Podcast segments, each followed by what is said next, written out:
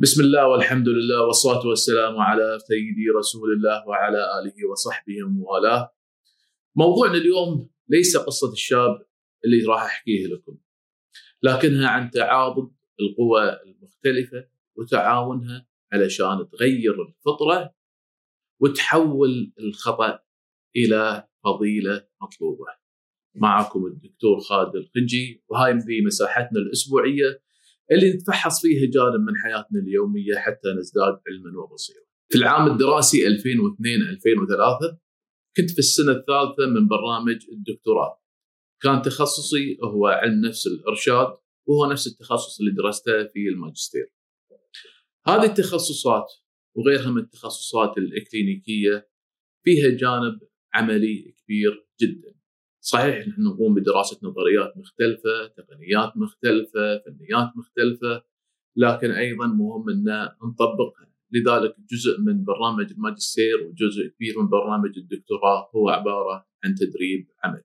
مثل أي تخصص أي مهنة تتعامل مع البشر يفترض علينا أن إحنا ما نضر الناس اللي نتعامل معاهم. لذلك كانت كل البرامج التعليمية والتدريبية في هذا المجال تخلينا نكتب معاهم عقد إن إحنا نتقبل قرارهم بفصلنا إذا رأوا إن إحنا ممكن نضر الناس اللي نقدم لهم الخدمة. وهذا أمر مفهوم إلى حد ما. لكن اللي كان يشكل ضغط بالنسبة لواحد مثلي جاي من بيئة مختلفة عنده معتقدات مختلفة إن أنا بالنسبة لي في أشياء مش مقبولة بالنسبة لهم. هم في السياق الأمريكي وبالذات في سياق التخصصات هذه أمور ليست فقط مقبولة لكنها مرغوبة ومطلوبة. لذلك أنا شخصيا كنت حذر جدا في أثناء الدراسة سواء داخل القاعات الدراسية أو أثناء التدريب إن أنا ما أتكلم عن مواضيع بالنسبة لهم هم عادية أو مطلوبة لكن بالنسبة لي أنا مرفوضة لأنها تمس اعتقاداتي الدينية بشكل أساسي.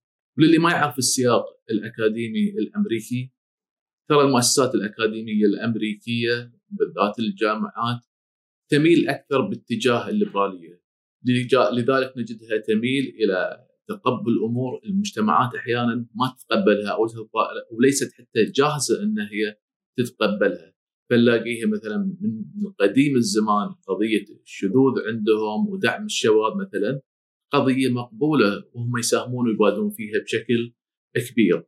فوق هذا التخصصات الإنسانية والتخصصات الخدمية المهنية الصحية مثل تخصصي أنا تخصص الإرشاد النفسي ليبرالي أكثر بعد حتى داخل الجامعات. في السنة الثالثة من برنامج الدكتوراه كان مطلوب مني إن أنا ألتحق ببرنامج تدريبي تحت إشراف ناس متخصصين.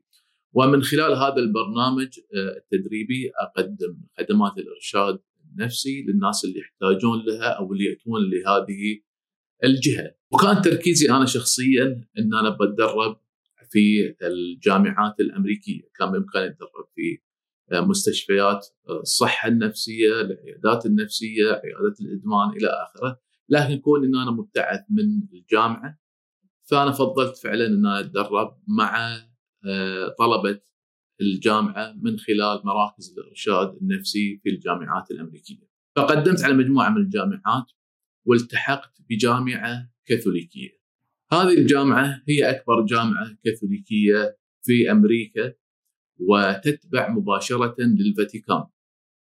كونها جامعة كاثوليكية لا يعني أن الطلبة اللي يلتحقون فيها فقط كاثوليك ولا يعني أنها تقدم برامج دينية، هي بالعكس جامعة آه، عادية تقدم كافة التخصصات يلتحقون فيها طلبة من كافه الأديان والمذاهب والاتجاهات حتى طلبة مسلمين كنت أشوف فيها مسلمات محجبات ما كان فيها أي مشكلة. لكن فيها تخصصات أيضا آه، دينية. وكان آه، من الشيء اللي يعني كنت ملاحظة إن أنا أمشي في وسط الجامعة ألاقي ثلاث أعلام مرفرفة. علم طبعا أمريكا وعلم الولاية اللي فيها هذه الجامعة وعلم الفاتيكان. لكن عمليا كثير من الطلبة اللي يلتحقون هم فعلا كاثوليك وكانوا يحسون بفخر إنهم قدروا يلتحقون بهذه الجامعة اللي تعبر عن جزء من مهم من هويتهم. أما البرنامج التدريبي فهو كان مصمم إنه يضم عشر أشخاص من تخصصات مختلفة كلهم يدرسون الدكتوراه سواء علم نفس كلينيكي أو مثلي أنا علم نفس الإرشاد أو إرشاد نفسي أو خدمة اجتماعية كلينيكيه. فبدات تدريبي في مركز الإرشاد النفسي في هذه الجامعة وفي يوم من الأيام اعطوني طالب جديد أول مرة يجي المركز. أول شيء طبعا واحد يحاول يسويه في مثل هاي الحالات إنه يسمع قصة شاب يحاول يعرف هو يعاني من إيش وإيش اللي هو يحاول يحققه من خلال قدومه إلى المركز وحصوله على الإرشاد أو العلاج النفسي. فبدأ الشاب يروي لي قصته ومعاناته. قال لي أنا لغاية ما خلصت الثانوية عمري ما كان لي أي علاقات جنسية شاذة ولا كنت أفكر فيها بأي طريقة من الطرق.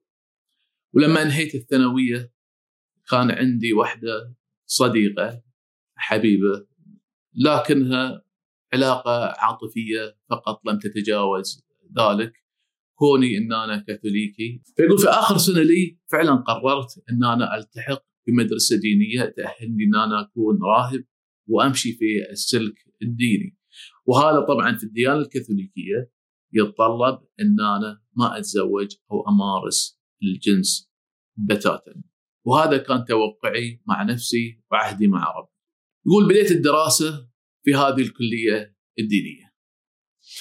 وتفاجأت أن بعد دخولي بدأ الطلبة اللي أكبر مني سنا في سنة ثالثة أو سنة رابعة يتحرشون بي جنسيا ويضغطون علي إلى أن يوم من الأيام فعلا أغروني ومارست الجنس معهم يقول ندمت لكني مارسته مرة ثانية ومرة ثالثة. ويقول كنت أحس إني منافق. يقول في الليل كنا نمارس هذه الآثام وفي النهار نقعد مع بعض نصلي. قدام الرب وقدام كبار الكنيسة والمشرفين في الجامعة يقول فكنت جدا كاره لنفسي في هذه الفترة. ما قدرت أسكت. رحت حق واحد من المشرفين علينا. واخبرته بالحقيقة لعله يساعدني. فيقول انصدمت انه قالوا لي لازم تطلع من المدرسة الدينية وتحاول تحل هذا الموضوع اللي عندك. لأن هذه مشكلة لازم تعرف التعامل معاها وإذا قدرت تحلها والتعامل معاها ذيك الساعة ممكن ترجع لنا. لذلك أنا الآن جئت إلى هذه الجامعة الكاثوليكية العادية في تخصص عادي لين أحاول أحل المشاكل اللي عندي. فسالته سؤال واضح قلت له أنت شو اللي تبي توصل له؟ قال أنا بوقف عن هاي الممارسات ولا أبي أفكر فيها. أنا هي هي غلط بالنسبة لي عمري ما كنت أفكر فيها قبل هذه التجارب اللي مريت فيها وأبي أوقف عنها نهائيا وبتاتا.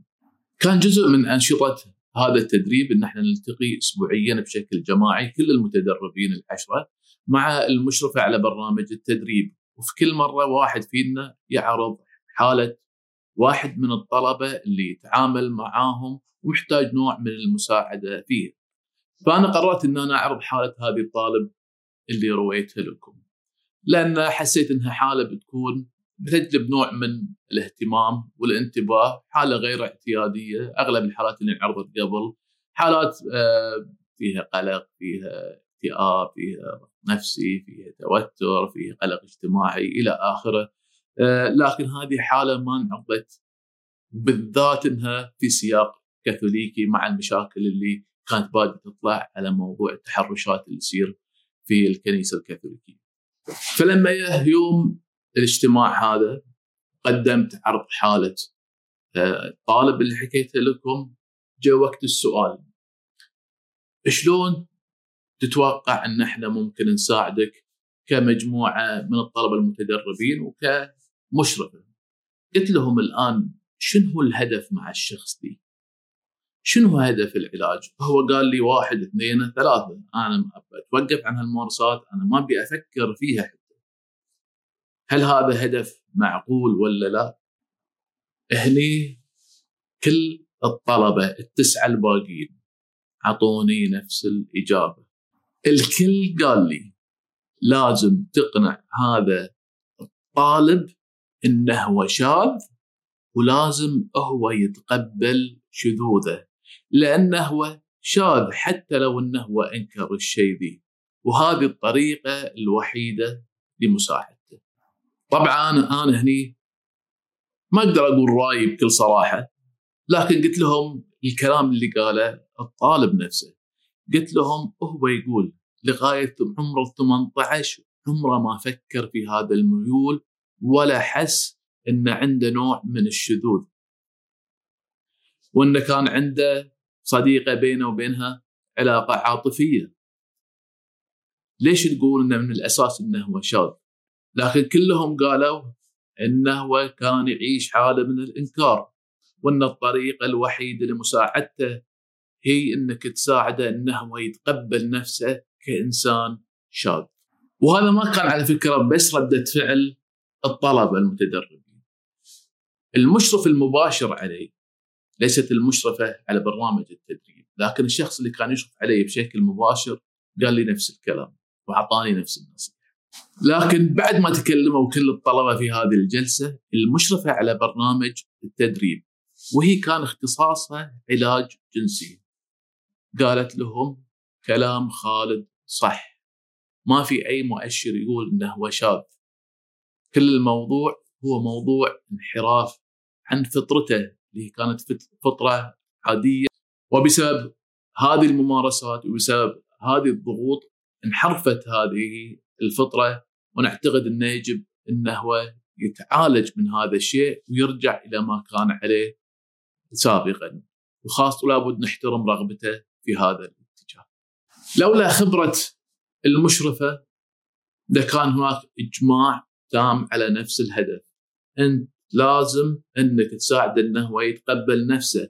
مو بس كذي لو حاولت فعلا أساعده أنه هو يتخلص من هذه الأفكار وهذه الممارسات لربما كنت رسبت أو ربما حتى انفصلت من برنامج التدريب وبرنامج الدكتوراه.